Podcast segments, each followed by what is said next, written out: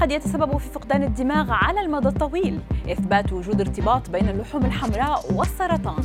دراسة توضح سر الأغاني التي تعلق برؤوسنا أبرز أخبار الساعات الأربع والعشرين الماضية في دقيقتين على العربية بودكاست.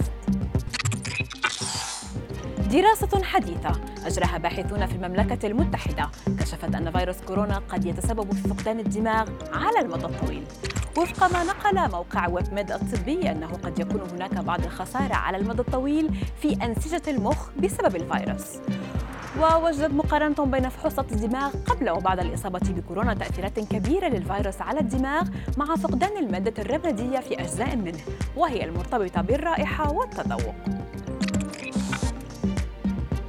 حذر كبير المسؤولين الطبيين في إنجلترا من أن الشتاء القادم سيظل صعبا على النظام الصحي رغم نجاح برنامج التطعيم ضد فيروس كورونا في البلاد.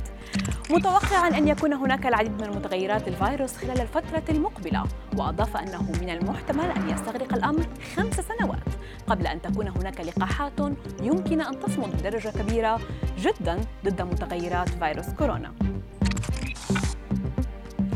توصلت دراسة نشرت في مجلة Cancer Discovery العلمية إلى تحديد خصائص الأضرار اللاحقة بالحمض النووي جراء اتباع نظام غذائي غني باللحوم الحمراء.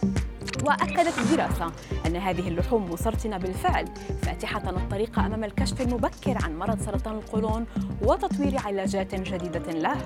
ولا تعني نتيجة هذه الدراسة وجوب الامتناع كليا عن تناول اللحوم الحمراء بل المطلوب الاعتدال واتباع نظام غذائي متوازن. من منا لم تعلق في ذهنه أغنية ربما يكون قد سمعها منذ زمن طويل وفجأة تذكرها وراح يرددها في رأسه دون توقف. أوضح بحث جديد من جامعة كاليفورنيا أن هذه التجارب هي أكثر من مجرد أمر عابر إذ تلعب دورا مهما في المساعدة على تقوية الذاكرة والحفاظ على التجارب الحديثة في الذاكرة طويلة المدى. وأضاف المؤلفون أنهم يأملون في أن يؤدي البحث الجاري إلى تطوير علاجات قائمة على الموسيقى لمساعدة الأشخاص المصابين بالخرف والاضطرابات العصبية الأخرى للتذكر بشكل أفضل